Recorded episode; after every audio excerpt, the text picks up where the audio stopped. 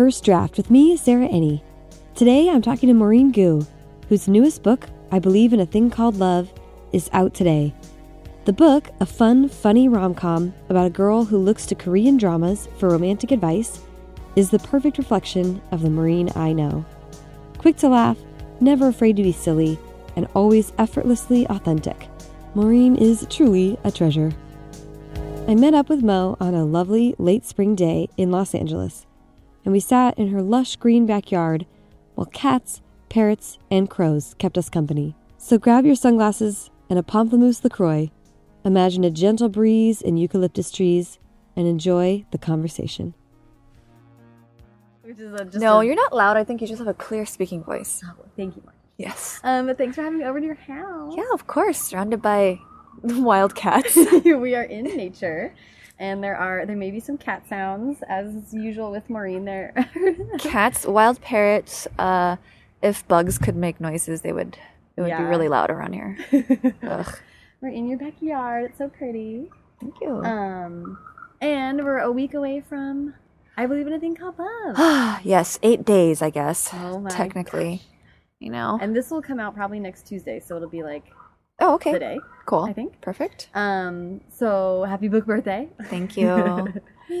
How does well before we get too much farther into it, do you want to give the pitch for your book? Sure. It is a rom com essentially about a girl who is a perfectionist and decides to tackle getting a boyfriend using um, the K drama steps to true love, which are the tropes and formulas that she gets from watching K dramas with her dad. And she thinks this is a brilliant idea because she's really bad with boys, of course. She's good at everything but love. Was that what you were like in high school at all? Um, no.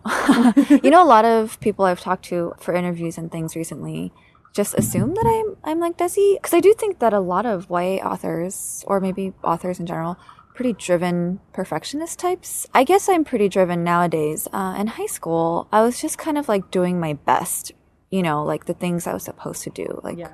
take all the AP classes, try to get a good SAT score, be involved enough in school to get into a good college. But, you know, I hated sports, unlike Desi, who's like captain of this team and that team. I wasn't that involved in extracurriculars. I just, I loved journalism and that was about it. Everything else was kind of fake. I didn't care about things as much as she did. I wasn't as type A. I was, and I'm not type A or I'm not a perfectionist even now. But the one thing I related to, and that was like when I had my moment, my aha moment of what this book was about, um, essentially was when I realized that Desi has to control everything and that she really thinks that she can control things. And I know that I have a controlling nature too. Um, I mean, that's like her major problem is that she thinks she can control things, even like love and um, protecting her dad from ever being sad again. And I, I have that a bit in me too. You know, like I try to ah, control, make sure that people around me are happy all the time. I like to be in control of myself. So in that way, I think we're similar. I liked that you said that it was your aha moment with the book.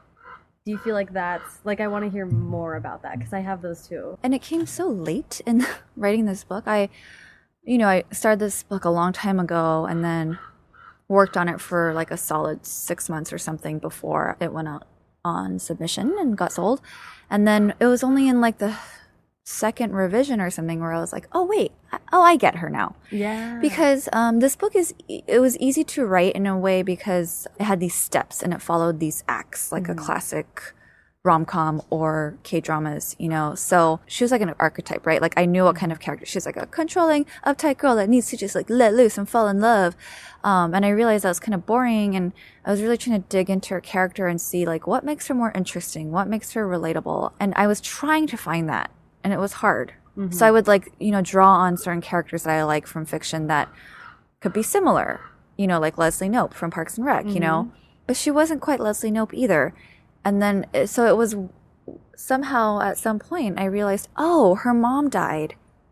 She loves her dad. She never wants her dad to be sad again. Hmm. She thinks she can control that kind of thing. Yeah. Like, you know, because she can, she saw success with certain things she did as a kid.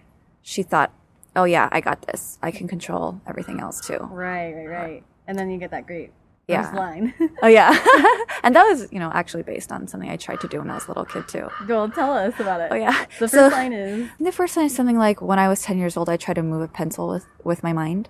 Um, and I did do that. I was after I read this uh, Roald Dahl short story, The Wonderful Story of Henry Sugar. That short story is about a man who like learns to, he gets telepathic abilities basically, but he teaches himself. He picks up a random book in an old like fancy British person's house about like a yogi. Um, and so he reads about the teachings of this yogi and how concentration and all sorts of mind over matter thing can teach you how to, you know, he learns how to read cards, like look through cards and goes to casinos and makes all this money and then he gives it to the poor. And uh, in the book, he describes like if you stare into a candle flame, that's like the number, the first step. You just stare into a candle flame until everything, all you see is a candle flame, and everything else is disappears around you. So I tried to do that when I was a kid, and then I tried. I was like, I did it. You know, probably after like thirty minutes, I'm like, oh, I did that trick. yeah. And so now I can move a pencil with my mind. Um, cause I think Henry Sugar did something like that too. I think he moved something with his mind. So I sat there and I really, honestly, to this day, I really believe that I moved the pencil with my mind. it was probably like a breeze or, you know, like I shifted or something, or maybe my eyes were playing tricks on me, but, um, I really believed it. And I thought I was very special for a long time. Thought I was kind of magical when I was little. It was like a secret. Oh man, I have some of that too though. This is I think related this is like the hubris of being an author though, isn't it? Yeah. I don't know. I feel like being an author is very humbling for me. Wow. I never think like everyone's gonna love this book. This book is gonna be a hit. This is a runaway bestseller. Like I never think those things. I'm just like, please God, I hope one person likes it. But, I have no perspective, you know? But um, well, that and that's true. I think that's a good point. But also, like, even just the act of writing a book is this crazy hubris. Like, why would why do why That's does what I have to say matter Right. to the world at, at large? I just have to I have to believe that it does, and that my work Right. will, will result in something that's out in the world. You know. Yeah, I hesitate to think that way while I'm writing a book, you know? Um, I try to be all removed from expectations. But I think once it's out there and it's done, then I, I'm kind of wishing for good things or um, paying attention to. I mean, obviously, duh, we all pay attention to like how well our book's doing. But um, there's something about that hubris. It takes a different form. Like, uh, for me, it's not connected to writing it's connected to um i guess i just think people might be interested in what i have to say all the time it's so conceited but it's kind of what i what gives me confidence and lets me do things um because i have to believe that oh people find this interesting Well, um you know otherwise like honestly i i'd, I'd be really shy Speaking of stuff from your real life that's in the book, though, can Mhm. you tell the pantsing story? Yeah. Oh my gosh. I've have been, to, I've been, no, no, no. I've been slowly revealing more about this story. So basically, Desi not only is bad with boys, but she always has a lot of embarrassing moments in front of them. Uh, her friends call it her flailures because they're her flirt failure moments. And they involve things like, you know, uh, some boy kisses her and she accidentally punches him or, you know, stuff like that. And then so she meets this guy Luca, the new boy, and he's just like honestly at first her attraction is just he's so like hot and he like does this like drawing of her in class and it's just like, you know, teenage hotness and she's like, "You know what? Like I should stay away. I'm going to flail like as per usual." But instead they had like kind of a good moment and so she gets all like she gets all bolstered by that and eventually she flails. And what happens is she's wearing her fashion sweatpants um the day she meets him.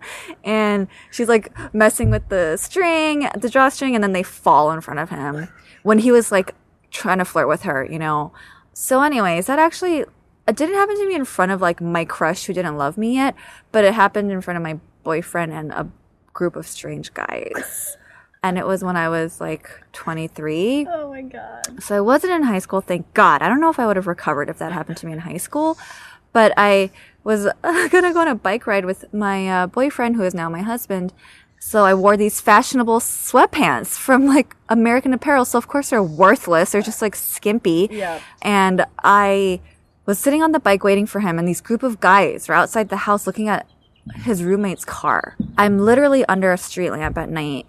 And then his other roommate's puppy gets out of the house, runs into the street and I was like, no! So I hopped off and I screamed, no! Which makes all those guys look at me. And then I hopped off my bike and then in one, one motion, I jump off my bike and my pants fell off in the puddle on my feet. Dude, what happened to the puppy? I think the guys caught it because I don't, I didn't care about the puppy anymore. I just like pulled up my pants, ran into the house, and I was lay on the sofa and I started crying. Oh no, Mo! the good news is I was wearing like full coverage, thick cotton underwear. They're like, okay, nothing to see here. folks." Yeah. The moment in the book, and I don't like, like spoiler alert. I hate that I kind of spoiled it because I was reading that in the coffee shop, and that moment was so unexpected. Like I just didn't see that coming, and I was like, oh my god. I've had friends who told me like they've had to put the book down at that point because they were getting such bad secondhand oh, embarrassment. It's so. And I'm like, well, guess what? It actually happened to me. So oh shit, I fucking love that. I know. It's such a good story. What's the point of me having lived through those embarrassing moments if I can't talk about them and let, give other people joy?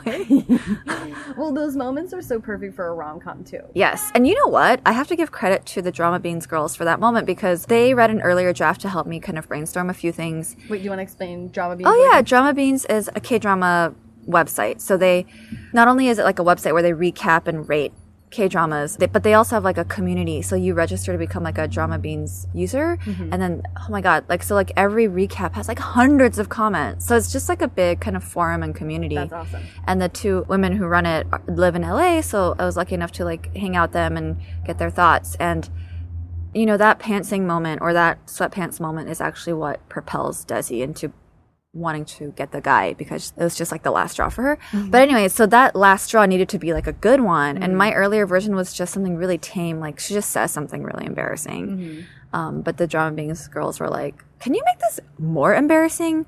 And I was like, "God, okay, what?" and, and then I'm like, "Oh." How about something that I've actually lived through? Okay, I'd love to hear you talk though about um, rom coms and like that rom coms. We all know they have such a structure and they're so satisfying because Yeah. of kind of the structure. And like how, if I was you writing the book, I would be thinking about my favorite rom com movies and sort of trying to translate that to a book, which can be really hard actually. Yeah, it is really hard. Um, you realize that film is film and books are books. And I did actually have so many wackadoodle moments. I really pushed it. And part of it is because my husband helped brainstorm with me, and my husband writes movies. I realized some of the stuff that works in movies is just too dang much for a book. It's a different experience. Like, in a movie, like you can push things really to the limit and really um, make these sharp contrasts. Uh, but I think in a book, even a YA light rom com, some things just don't fly or they don't feel good while you're reading them or natural. So there were a lot of moments where I had these like kind of like wacky pratfalls or like physical humor. It is funny to imagine, and as I'm writing it, and the ideas are funny.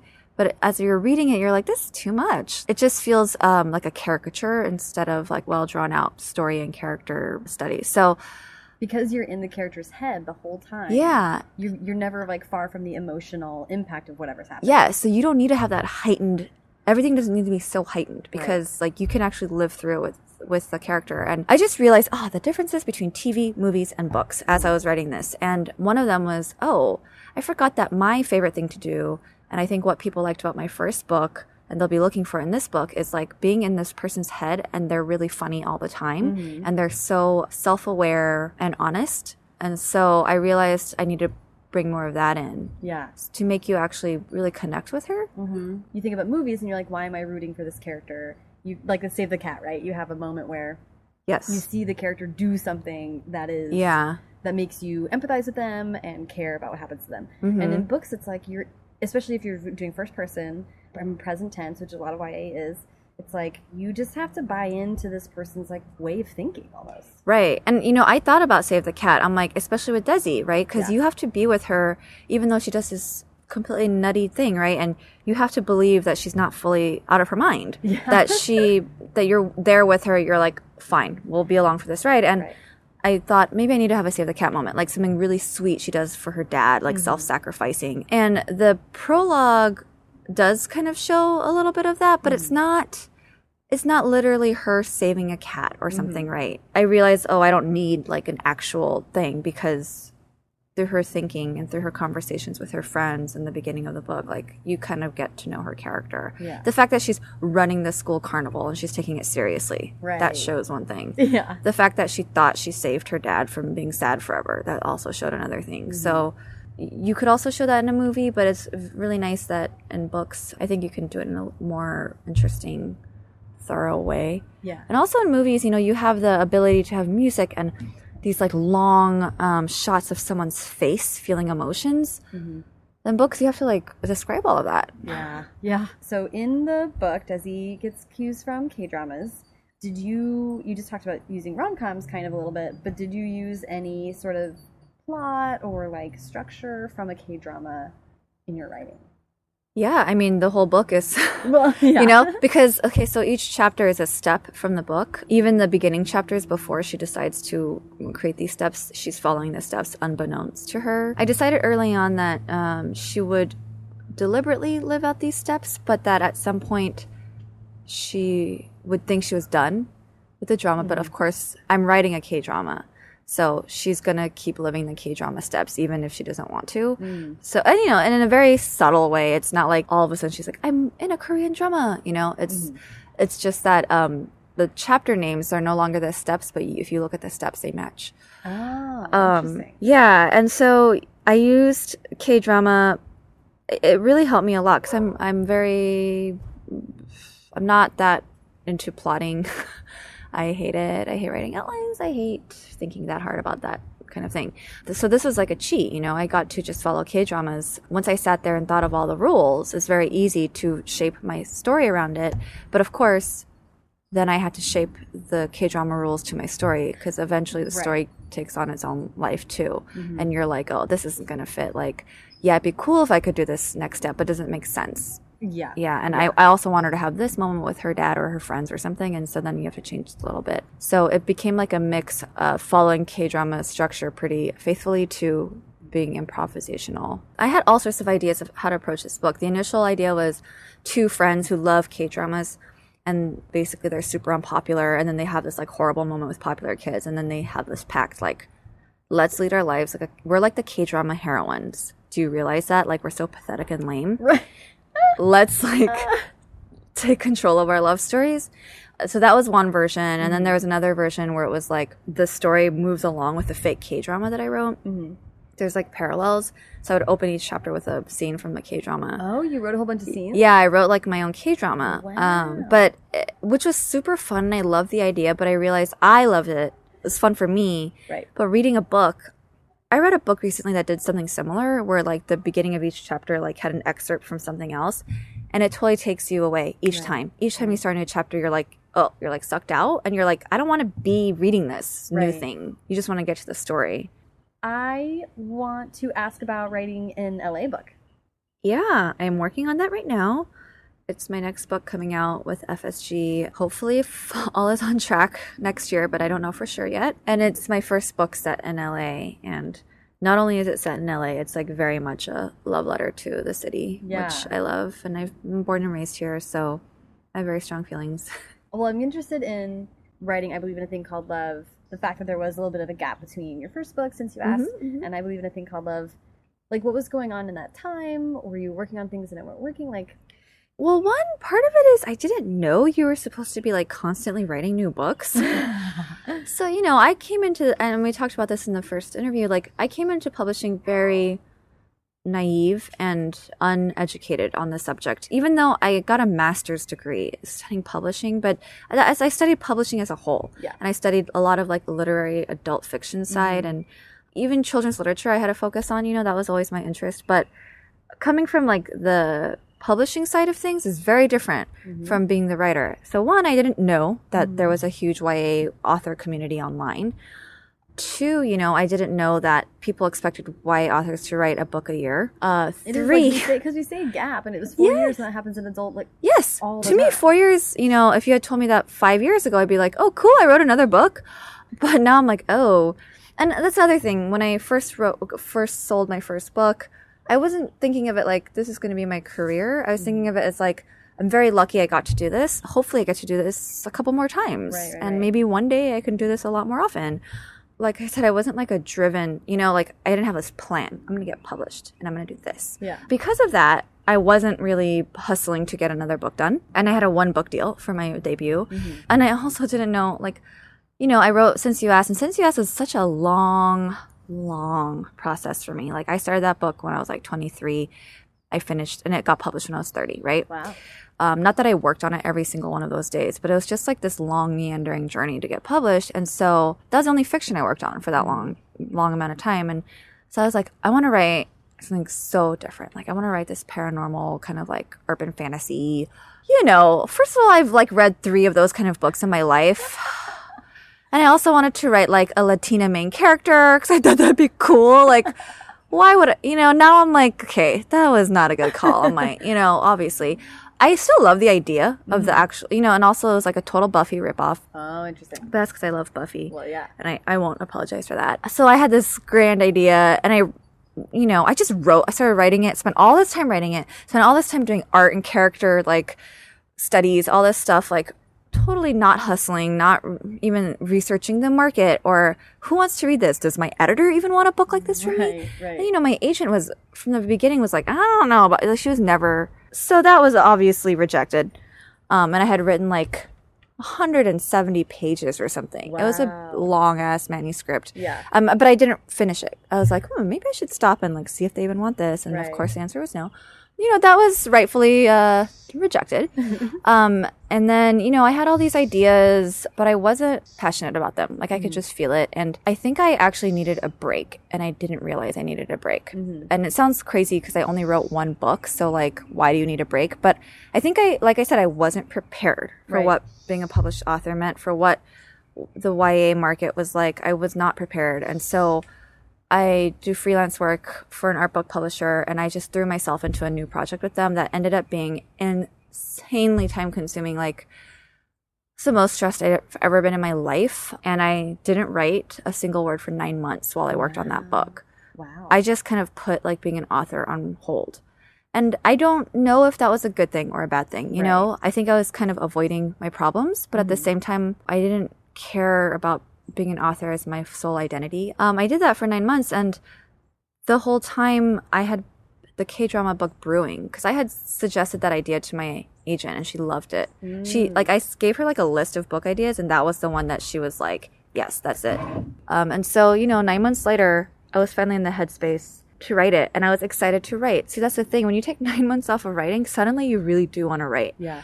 Um, and you know, now it's for me, it only takes like a month or something, and then I really want to write. I don't have Yeah. to take a nine month break. Yeah, right. Well, actually, I think it's really interesting, and I like you're saying, yeah, a break after I've only written one book. How crazy! But that one book was your first full book. It was like accumulation of ideas and so personal and all this Mhm. stuff. So It's just I didn't feel prepared. So I felt exhausted. You know, once it was out, I felt like crazy emotional. I felt insecure. You know, the one thing my whole life I've always been wildly overly confident about my writing abilities. Mhm. And then you get published, which is the ultimate validation, right? Like you're published, somebody wants to pay you. They mm-hmm. think other people want to read it.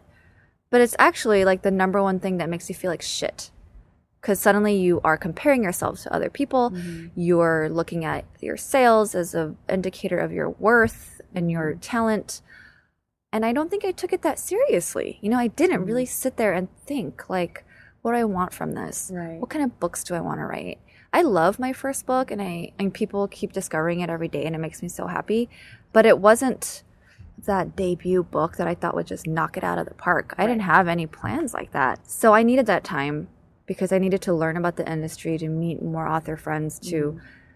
see how people approached writing as like a job. I used to think I was a fast writer, and then I would I met YA authors. I was like, what the, f-? like, oh my god, you guys write. And then I was like, you know, I didn't write every day, and you know, I still don't write every day. But I, if if I'm if I'm drafting, I write like a job, right? I mm-hmm. try to write every day, and if I'm on a crazy deadline, I write on weekends, and I write more than usual.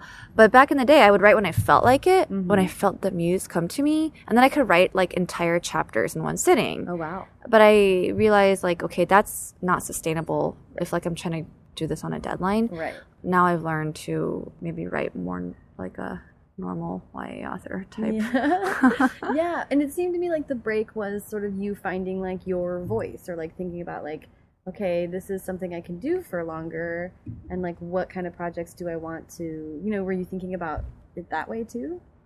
Yeah. So, and I, I suddenly I have a lot of ideas and that's another thing we went over in our last interview like I mean, it's like anything else. You just practice a lot, and then suddenly, suddenly you're a lot better at this one thing. Right, right, right. it's right. so simple. I guess I always thought writing. It did not apply to writing. I didn't think of writing like a sport or like a skill. Mhm. I because I thought I'm born with this ability. I can just do it. You know, I can do it when the muse calls. And it's not even like I thought writing was that beautiful and special for me. I just felt like it was um natural for me. Right. So I don't need to be so disciplined Mm. or like when push comes to shove, I will be able to get it done. And it's Mhm. true to this day. Like you're the same. We can get it done. Yeah. We know ourselves, but it's not good for the long run. And also the practice makes you so much better. Right. I'm like, oh, I got so much better. okay. That it just like makes you cringe like, oh, you I could have gotten better a long time ago. But you know, I try not to have regrets. That's like not like how I live my life. But it is one of those things I'm like, mm, if I took it seriously starting like 10 years ago, you know, when I sh- I could have you know gone into the new school uh, children's writing program and I was like, "Eh." That's so In a way, I didn't need to go to that program, right? To become published, but can you imagine like I think it would have been fast forwarded all of this. Who knows? I mean, Right. Unless I sucked. well, you, well, well, your life would be different, that's for sure. But Yeah. I'm, I'm similar to you, where like I'm, my disposition is such that I try, I don't see regrets because it's sort of like a waste of time. hmm Optimism is actually like way more useful, I think. I mean, I try to learn Yes. from things I could have done better in the past, but there's no point in beating yourself up about it. Yeah, and I think the trade-off, to whatever extent there is one, is that instead of writing diligently for the last 10 years you were like gathering life experiences and you've done a lot of other creative work and you know what I Yeah, mean? I, I felt like I do a lot of things. Maybe not so much anymore, but because we're writing a hell of a lot I more know now we are. like I, like I or I'm like the last- preparing for my book to come out and literally bothering everyone in the world, including you guys. You should buy it. you know, so it's just like very God. It's just so hyper focused on one thing. yeah You know, that's just not my personality. and It's really hard for me to do that. But yeah, I feel very appreciative of all the experiences I've. For one thing, I know that I can answer a fucking email on time. You know what I mean? Like I have Yep. work skills. I'm, I have a level of professionalism. You know, I feel like I treat this like a job, hopefully, and maybe it makes it easier to work with me. Who knows? Maybe not. I would like to think I'm not. I don't take criticism personally. You know that sort of thing. Yeah. And all these things to me have been learned through working these jobs that I've had. I'm And- forever grateful and this is not at all to say that people who have who write always and have never had to have a day job this isn't to say that they aren't this way Sure, because there are plenty of people that are crazy responsible and professional, regardless. But I will say that I am also forever grateful that I had like my first job out of college was like four years of this cubicle, like life sucking, Yeah. total like Mhm. horrible. It just beat out a lot of fancy feelings that I had Oh, yeah. about like how special I was. I it know. Made me, it made me feel like other people's time was just as valuable as mine, and like Mhm. that I needed to, you know, just it did give me professionalism that I'm really grateful for. Yeah, and you know, I worked in publishing. I worked as like an editorial assistant, and I worked as as an intern. Like, how many internships have I had? You know, Mm-hmm. like I've worked the other side. I like to think I treat people in those positions the way that I would have wanted to be treated. You know, not like trash, and like respect that they are smart, just as smart as you. Well, and, and part okay, so the root of that question was partly also to be like, like thinking about moving on to your next project, thinking Yeah. about reflecting sort of your new creative self in like your new career and stuff like that. It also re- reminded me of like LA and telling LA stories. I think of you as a very LA person. You're literally from LA, but also Mhm. you are like very proud of it, and I feel like you embody a lot of like what LA means to me. Yeah, I'm kind of like one of those annoying, like, I love LA so much people, but I feel very entitled to feeling that way because I'm born and raised here and Yeah. it's been much maligned in the past. My version of LA is not what people usually think of. Mhm. So I really, I'm trying to show that part of LA. And so, and yes, I am writing a book, a new YA novel, and it uh, takes place in LA, and it's my first one. And I don't know why I didn't write my first two books um, in LA. I, I kept them in Southern California. So, since you asked, is in San Diego, where I went to undergrad. And then uh, I believe in a thing called Love takes place in Orange County, where a ton of my best friends have grown up. And I think I chose San Diego because I like the idea of this like beachy, fun location where kids could ride their bikes and have more freedom than they would maybe in an LA suburb. Mm-hmm. And then I believe in a thing called love. I liked having the setting not really be a big part of the story. It's Right. kind of like the backdrop, and uh, it's not a character. Mhm. I like the idea of, you know, this artistic kid having to move to the suburbs and being really judgmental. Um, and I think part of me also was afraid to write an LA book because I'm like, if I write about LA, it's gonna be, it's gonna have to be so LA. Like I've got to really make LA a focal point. It can't just be, oh, we're in a random LA suburb. I grew up in an LA suburb. I'd have to write an LA suburb book then, you know. Yeah, um, right. so this next one, they live in Echo Park, which is on the east side of LA, which is where I live now and close to where I grew up. And to me, that is the best part of LA. Victoria Aveyard's going to kill me. But, you know, I, to me, it actually just feels like a normal American city, not Los Angeles. Right. And um, maybe that's what is appealing about it for a lot of people. it Um, has a lot of character. yeah, there's a lot of character. People are real. Mhm. You know, uh, they're families that live here. They're young people trying to do creative, fun things. There's so much creative energy. And the food, it's like an immigrant utopia almost. And not to imply that there aren't problems, it's like really shitty and hard for people for sure.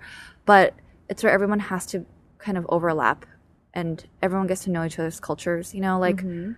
I- I love that about LA. I really love the fact that I'm going to write about LA. I feel fully prepared for it and I know exactly what kind of book I want to write. I wanted it to be a book that takes place on the east side of LA, like traverses that part of town, and I wanted it to involve food. You are like a food person. Yes. Uh, and I talked to Renee Ahdieh about this. She's also super foodie, Mhm. and she said that she prepares every dish that is featured in her books. Oh my god, She what? makes it. Isn't that crazy? Wow. It's so I was like, that's amazing. in va- very vague terms, it's about uh, two girls who have to run a food truck over the summer in LA as a punishment for some dumb stuff that they did in the beginning of the book. And they're like, fr- they're not friends. Um, but the main girl, Clara, it's her dad's truck. And her dad is Korean but grew up in Brazil. So he's like Korean, Brazilian American. Um, and so the food in the truck is like Brazilian Korean fusion. And I'm definitely doing research on that because I don't know Brazilian food or culture that well. Um, but I know a lot of Koreans that grew up in Brazil. So I'm talking to them about their food. But that's a good idea about cooking it because I'm like, I'm making up these recipes, but I'm like, I have no clue if these would be delicious in real life. Right. It sounds delicious, but maybe I need to get like an actual chef to make them. Ooh. Um, have a big party. well, oh my God, for my book launch, I could serve the actual food from the truck. That would be amazing. my. God, I can't even, I can't believe I'm thinking about the next book launch. I know. So it sounds like when you got around to writing, I believe in a thing called love, it was like maybe a joyful thing. Like, yeah, I loved writing it. yeah. No, I loved writing my first book too. I think once like you hit like a certain once I understand the book or the characters, then I have a lot of fun writing it. But also like let's be real, I'm writing about really fun things, you know? It's not that difficult. it's difficult to write a good book. Yeah. 100% no matter what the hell the book is. But as far as like scale of 1 to 10 of torture versus pleasure, you know, I really if I didn't enjoy this, it would not be worth it at all. Yeah. it's pretty like thankless you know what i mean? Until you reach a certain level of success. Mhm. it's like so many authors and i included were like why do we do this? You know? Like we just have so many moments in your publishing career where you're just so demoralized or you know it's just difficult. And then you're like why are we doing this? So i just i really love doing it. It's and once I like the character, you know, I, the the earlier versions of I believe in a thing called love, when I try to do it with like the two friends POV, blah blah, it's not enjoyable for me. But then I when I made Desi Desi back in that comfortable first person, Mhm. uh, then I was like, oh, okay, yeah, We're I actually do really like writing these books. Yay. Same with this, you know, the third book. I was trying all sorts of serious versions of this book, super angsty, multiple POVs. It was not think- not enjoyable for me to write those to write those earlier versions. That's interesting. Then once I went into Claire's POV, into the funny girl again, mm-hmm. then again, I started to enjoy writing again. So, Yeah. you know, maybe I'm too comfortable writing this type of thing, but for now, I, I like that I, I enjoy it. So, But it suits your voice and it's Yeah. yeah. it's what you love. I mean, and I'd love to hear you talk a little bit about that, about writing about things that are like not quote unquote important. Though I hate when people I, know, mean, right? You know how I feel about it. Yes. But but it's it's interesting to think about it as a way to I mean, I ask people this when they when they write really intense serious books. I'm like, how you you were in that headspace then for a long time. Yeah. And that's that is really challenging. Mhm. So it feels like I think to some people maybe it seems like a cop out to write like funny, goofy, wacky books, right. but it's also like entertainment is entertainment. Like yeah. I don't know. So I think with YA, it's easy to one, the whole YA genre is denigrated, right? Right. Right. It's like doesn't even matter if you're like fucking literary as hell, like Steph Kuehn. Mm-hmm. Someone will shit on YA. Mm-hmm. But then you then you write like romance, and then you write like comedy, then you write like young voice. That's all my stuff, right? Right. It just gets like like cheaper and cheaper and cheaper as far as like how people value literature. And I think it's interesting because if you watch like TV, Mm-hmm. or any other like even film people know the value of a shonda rhimes tv show that is Mhm. all craziness and fun and like scandalous Yeah, right and like campy and- thrills and... yeah campy and people know the value of like parks and rec Mm-hmm. right which is comedy comedy comedy but there's heart i wish there was a little more of that kind of view of view of young adult literature and literature in general Mm-hmm. but whatever, I can't complain. I feel like people once they find my book, they either they you know they appreciate the humor or the the heart that I try to put in. So I like to think yes, I do write kind of light, fun books because that's what I like to write, and I Mhm. loved reading those growing up too. And it's like the most natural thing for me to write. But I do think I try. And another author who does this is Amy Spalding, off the top of my head. We're we're like considered light YA writers, but like mm-hmm. there's always something more there, you know? I mm-hmm. hopefully people get that from my book. I think if you write anything well, comedy well, rom com well, humor well, whatever, romance, then it's like its own craft that can be respected. Mm-hmm. I do think certain books are important. Is Yeah. my book important? No, like to society, I don't know, but I do think that it offers something, Mm-hmm. and I think that um, I personally like humor writing and, and like rom coms, and I think it's like such a special skill. So I really respect that myself. It's kind of like I'm not going to demand a level of respect for what I do Yeah. because I don't really care. If you don't have respect for this, then take your snobbery elsewhere. Like I seriously don't give a shit about Long you. walk shirt here. Yeah, I really don't care about your opinion. You know, like when people just roll their eyes at all pop music, yes. that sort of thing. Yeah. Like you can't say you like Taylor Swift around them or something. It's like, give me a break. Yeah. Get out of here. Life's get over short. it. Get over yourself. I love that. You did mention um, your husband, Mhm. um, who is also a creative um, professional. But but how does that work with you guys? How involved are you in brainstorming? Like, how does your creative life and your married life overlap? I feel very lucky. Chris and I have a very harmonious creative relationship. And I say that like I, we're lucky because I know a lot of other creative couples have to stay far away from each other and not get involved. And I get that too. I get it. Yeah. There's like something about being critiqued by your partner that is, it can be more harsh. Mhm. And it also puts them into this other space. You know, suddenly they're also your critique partner and Mm-hmm. it might affect the marriage part or the girlfriend boyfriend part.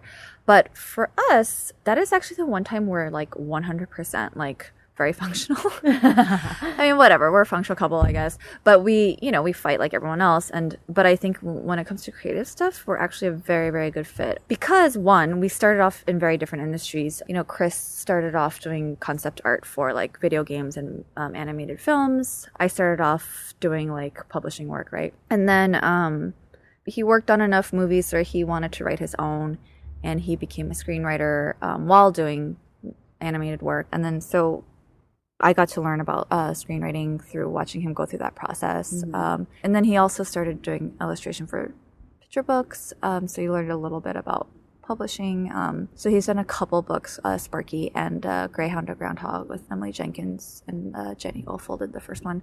Um, so in a way now, and now, you know, I'm like, oh, I've kind of got one eye on like maybe I'll write for TV or screenplays one day. So it's kind of like we're like overlapping a bit more in our careers. I grew. Yeah, and we're both essentially now telling stories. And so he's really great.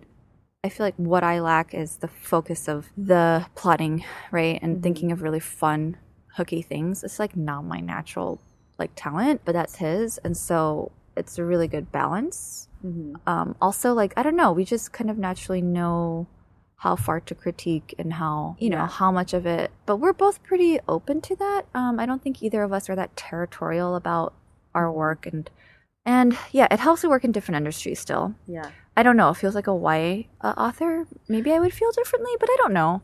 I, I think we're neither of us have crazy big egos for one thing. There's no reason for me to be competitive. It just like makes zero sense. Yeah. You know, I instead feel very inspired and motivated. I like to be surrounded by people who are at the top of their game in a way because it is very inspiring and not in a creepy like social climbing way. I just like to be around that energy because the people who succeed often they're not better than you or me at anything. It's just that they work so freaking hard and they're hyper focused. Mhm. And I need to have that reminder. And it's really good to be around that energy, like people who are really dedicated to doing this thing and succeeding at it. And so I get very energized from watching him do his work. Yeah. That's the other thing. I, I guess we're lucky in that I think he's good at what he does and he thinks I'm good at what I do. Mhm. We like each other's work. Mhm. Um, so that helps. Do You know, because what if he was bad or, Oh. you know, like not my style or something? And I'd be like, ooh. But do you think that's even like possible? Like if you saw Chris's drawings for the first time and were like, uh, you know, like that, he, then he would be less attracted to you. Yes. Tahereh uh, Mafi also said this, where she was like, "I'm just really lucky. You know, either Ransom really loves my work or he's a great liar." And I was like, I, I just don't believe that you could lie or like avoid it or Right. You know what I but mean? you know, I also think your love could color your feelings about that other person's work. right, Just like I I don't think any one of my author friends I don't like their their books. same. and the, true. the other day I was like, are they really all that good or am I really biased? right. I think that the layer of knowing people and understanding people y- mm. it adds a depth to reading their work Yes. and an Yes. appreciation. So I do think it does alter, but it doesn't mean it's not good. It- It could just mean you have more of an open mind going Yeah. into it. And you know, like half the time I read books by our friends, and I'm like, I know what she was going through when she wrote this, or Right. it's meaningful on this other level, and this is what And like working you through. catch their humor because you're like, oh, that's totally something so and so would so Yeah. would say. Like You hear it in their and voice. It, and it cracks you up, you know. or like, yeah, exactly. Like there's like some poignant moment, and you're like, oh, you know, I think I know where that's coming from. Mhm. I mean, but also you don't want to project too much because we all know everybody thinks that everything is about you when you write fiction. Oh, it's true. Ugh. You're like the person who wrote your own embarrassing moment. I know. I do. I like. I do write a lot of myself in my books, but it's like you know, until I'm like a master storyteller, it's really the the easiest way to make things feel authentic. well, yeah, I think that I think that does make you a master storyteller. Actually, this translates. This loops me into a question I was going to ask you last time. You mentioned that you were really inspired to write, at least early on, by David Sedaris, and that you always liked writing essays um, Yep. and your column, right? You had in high school, or did you? Oh, I just wrote a lot of yeah random things in high school from the newspaper. And um, you know, and talking about putting your real experiences into your books, like, do you feel like um, writing nonfiction would ever be something you'd want to do? I'm gonna be a part of this uh, nonfiction anthology coming out. I'm not sure when it's coming out now, but um, but it's about um the post-election feels that a lot of us women authors have, and it's about our personal experiences. And I was super excited to go into that mode again because I used to love blogging and writing essays and and yeah, essay writing and column writing. It's actually very very natural to me. Um, maybe still more natural than writing fiction. Um, uh, just because I've had so much practice with it, I think. But um, yes, I would love to do more of it. But at, right now, I've got all these ideas for books and other things that are fictional. So um, I think I'm going to focus on that. But I, I was excited to have the opportunity to contribute to this anthology because I got to kind of s- slip into that mode again. And it's about, you know, it's writing about rage and anger. So You're in it. it's just like really, it's very uh, cathartic. uh, I love it. Well, and that kind of brings me to the last like question I've written, and then we'll do advice again. That you, I know your favorite thing to read is adult literary fiction, hmm or you've said that before. I mean, I, I, it probably still is. Yeah, it's like where my love of reading, like, well, you know, obviously my love of reading came from kids' books, but like, I became a reader in high school and college, and I read everything, and I read a ton of adult fiction. So I still have such a soft spot for that. Like, I get very excited by new a new Zadie Smith book or mm-hmm. something. But yeah, it's hard to make the time for it because Yeah. one, there's so many YA books that I'm reading for, you know, it's like my friends' books and I want to read them Mhm. or like new stuff that I should be reading to check it out, like Mm. kind of like part of my job. And also the more time I've taken away from adult literature, it's hard to get back into it. When I'm in the YA reading brain for a long time, it's really hard for me to switch to the adult- adult literary. It's Like- slower. Yeah, and you know what I mean? Like, and for me, those books can get really hit me really hard. Like I'm reading The Underground Railroad by Colson Whitehead right now, and I had to put it aside because I was home alone for a while, and it was like making me like feel very like ooh, like anxious and uh, feeling too many feelings that I didn't want to feel alone at night. right, right, right. Um, and so I was like, okay, I'm gonna read my romance novel on my Kindle. I also like reading romance novels. Such a good palate cleanser between YA and literary fiction Mhm. like I know a lot of people like to read nonfiction. Sometimes it's like a rare like I like Jon Krakauer and stuff, but I tend to like want to read romance if I want to like really not be reading my own like industry books. Yeah, yeah, yeah. Yeah, I just like I love the reason I brought it up is just because I haven't heard too many other YA writers say that. Like, That that's their favorite. yeah, Interesting. I thought a lot of YA authors would like adult literary fiction. Um, I think a lot of YA writers. I think I just assume that's all everybody reads because that's what I read. Oh, You know what I mean? Yeah, like, yeah. oh, if you're a reader, you read the new fiction titles at the the adult section Right. the bookstore, right? I do not write stuff like that, but I love reading it, and, then that might be a reason because I'm not reading like I don't read Zadie Smith and think, oh God, I will never be Zadie Smith. I mean, I Right. do kind of, but only in this like she's like a goddess to me, you know. But I don't read it like competition. Like, oh gosh, Mhm. this is the way I need to write. And it's Mhm. very liberating to just read it to enjoy it. yeah, And I know I can do that with adult literary fiction because I don't really want to write that one. You know, I don't have plans to do that in the future. That's anything. a good point. That's really interesting. Yeah. Well, is there anything else about I believe in a thing called love that you want us to cover? It is exactly what it claims to be, which is fun about a girl who tries to get K dramas. It's romantic, but it is very sweet. It's a story about her and her dad too, which I realize is truly the heart of the book and why people have been responding so well to it. Mhm. Um, and it's been a long time in the making. So It's also the prettiest book in the bookstore. Oh, yeah, I- there, I love the cover. the- just pick it up and then I dare you to walk out without it. I think it, that so- cover did a lot for this book. Yeah, the I'm cover really was- yeah. My cover designer was Elizabeth Clark at uh, Macmillan. She is awesome. She designs a lot of good YA covers. It's a Korean girl on the cover. Yeah, that was that was a big deal too. Yeah. And now every time I tweet about it, or people, if there's like a flurry of um, something like a giveaway or you know something, I'm getting a lot of notifications on Twitter or Instagram or something. So many of the people posting are Asian or Asian American. Mm-hmm. ton are from like the Philippines or Asian countries. The events I've done this spring, you know, I've done a lot of like kind of ARC giveaways and Mhm. panels and book festivals, and it's been a ton of Asian and Asian American teen teens and women in the Mhm. audience, and it's been like really kind of an emotional experience for me because I'm like, Really? oh, because it wasn't the case with my first book. It was much more. Um, uh, it wasn't predominantly Asian people that were responding to that book. Let's Mhm. just say, and I think one, the landscape has changed in publishing. Mm-hmm. Two, my cover, Yeah. and the K drama hook. Yeah, yeah, yeah. It's like there's like such a thirst out there for this stuff. Yeah. Um, they want to see uh, Asian Americans. That's the thing. It's also not like an Asian fantasy. You know, it's not taking place in an Asian country. It's Mhm. American, and I think that makes a big deal too.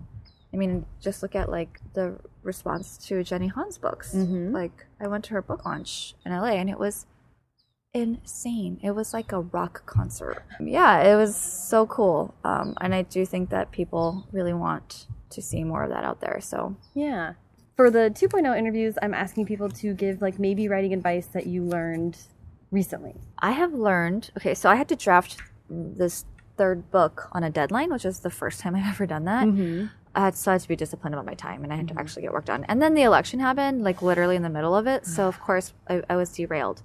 But I found that I can't write for that long. you know, like I can't Right. write for hours at a time. It's freaking impossible for me. Yeah. I learned that my days, you know, even if I had a full day to write, I could maximum write three hours, right? Yeah. I think a lot of uh, writers feel that way. And so, but I would do them in 30 minute sprints. So I first did my first 30 minute sprint with uh, Morgan Matson in a cafe. And I remember thinking like 30 minutes, like that is just just enough time to like start thinking about how to start, right? Mm-hmm.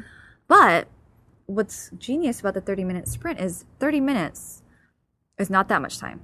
So if you fuck around during that time, you're like, ugh, you totally wasted the 30 minutes. So you're kind of like forced to like snap into um, work mode. And then you have the dangling carrot of after 30 minutes, you can check your social media and talk and chat um, for like 10 minutes. Yeah. That's what we do. Yeah. Then you get it out of your system in these little spurts. Yeah. And you go, you know, Twitter, texting, email. Okay, cool. And then 10 minutes pass really quickly and then you're on to your next 30 minutes. Yeah. And it makes it bite sized and so insanely productive in 30 minute um, bursts. Mm-hmm. So I don't think that's for everyone. For me, being forced to write in 30 minutes was like such a godsend. So now, not only do I with Morgan and whoever else, like sometimes I work with you, Mm-hmm. but um, I do it with my accountability people online, and we just check in, and then we force each other to share snippets from our work, so that it's proof that we did it. Yeah, and yeah. then someone's reading it, and so you can't actually just write complete crap. Right. I mean, I think it's fine to, to write complete crap as, of your first draft, Yeah.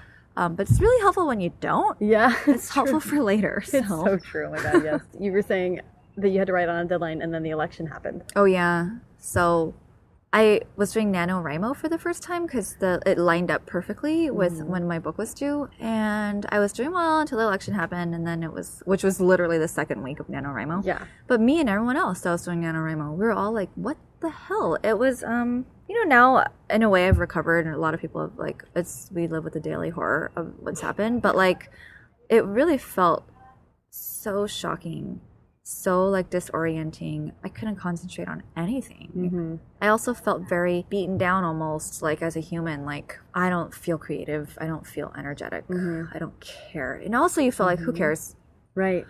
and then Right. i and then you hit like this second wave of like oh I, I do care and um this is my little thing like i don't think i'm changing the world i'm not gonna like bloat what i do for a living as something greater than it is but i do think it's my way of telling stories of things that i value in human beings in the world Mm-hmm. you know even if it's little things like be a pretty nice person Right. or be a good friend right.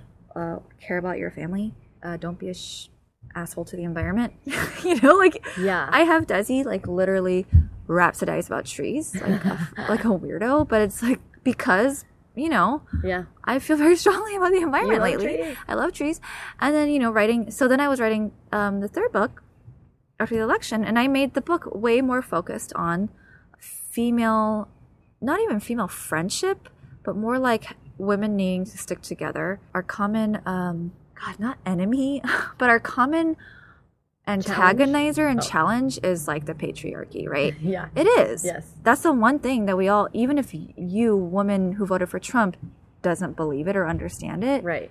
if we live in a handmaid's tale world, you know, we're going to look at each other at the market and understand. Like, Yeah. Right. and I felt that on a very small scale, obviously not like Handmaid's Tale, after Trump got elected. I felt like a weird affinity with women. Mm-hmm. And I know that's not for everyone, but I felt that way because I felt like, oh, I got the official notice that America is sexist as hell. Yeah. Like it's it's so deeply ingrained, that you that we would go for this Yes. guy. And Shocking. It made me so angry. And so my writing got way more feminist and angry, and I like where that took it. You know, Yeah. it's not, if you read it, you wouldn't necessarily like, this is a feminist book. Mm-hmm. And the female friendship is important, but it's actually not the main thing in the book, Mhm. which uh, initially I thought it, it would be the main thing, but it ended up being focused on what else? Like family stuff. So, um, yeah, I, it was awful and good. Yeah.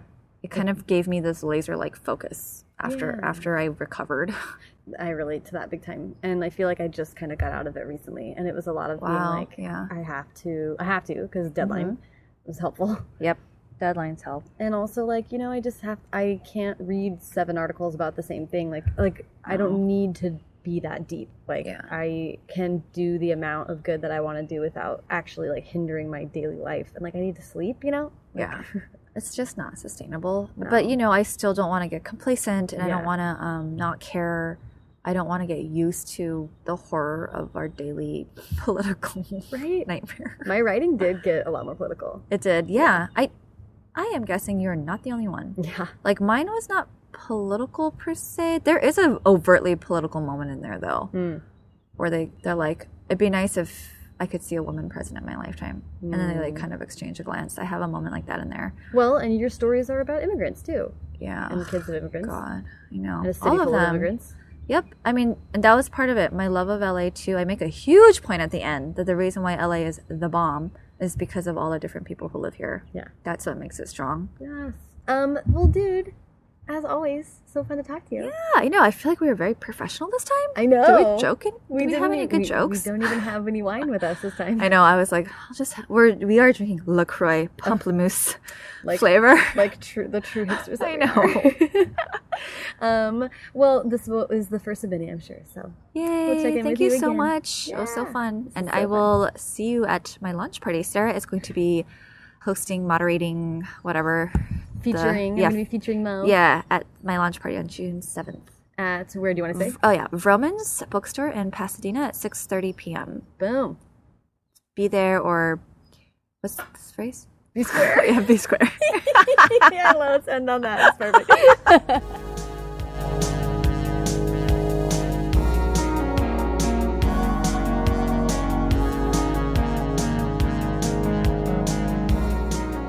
Thank you so much to Maurene. Follow her on Twitter at Mobot, that's M A U X B O T, and follow me at Sarah Enni and the show at First Draft Pod. You can find the show on Facebook and Instagram also, but for show notes with links to everything Maurene and I talked about, as well as the link to sign up for the First Draft newsletter and my favorite quotes from this and every episode, check out firstdraftpod.com.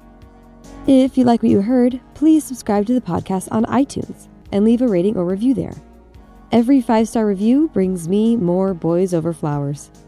This weekend, I will be hanging around BookCon in New York City on June 3rd and 4th. Come see some incredible authors, and on June 3rd at 1 p.m., I will be moderating a panel featuring Allison Raskin and Gabby Dunn of the YouTube channel Just Between Us about their new book with my favorite title ever I Hate Everyone But You. Then, as Maurene mentioned, I'll be emceeing her launch party at Vroman's Books in Pasadena, June 7th at 6:30 p.m., and I already have a few things cooking for July in the LA area. Thanks to Hash Brown for the theme song and to Colin Keith and Maurene Goo for the logos. Thanks to super intern Sarah DeMont and transcriptionist at large Julie Anderson. And as ever, thanks to you K Dream believers for listening.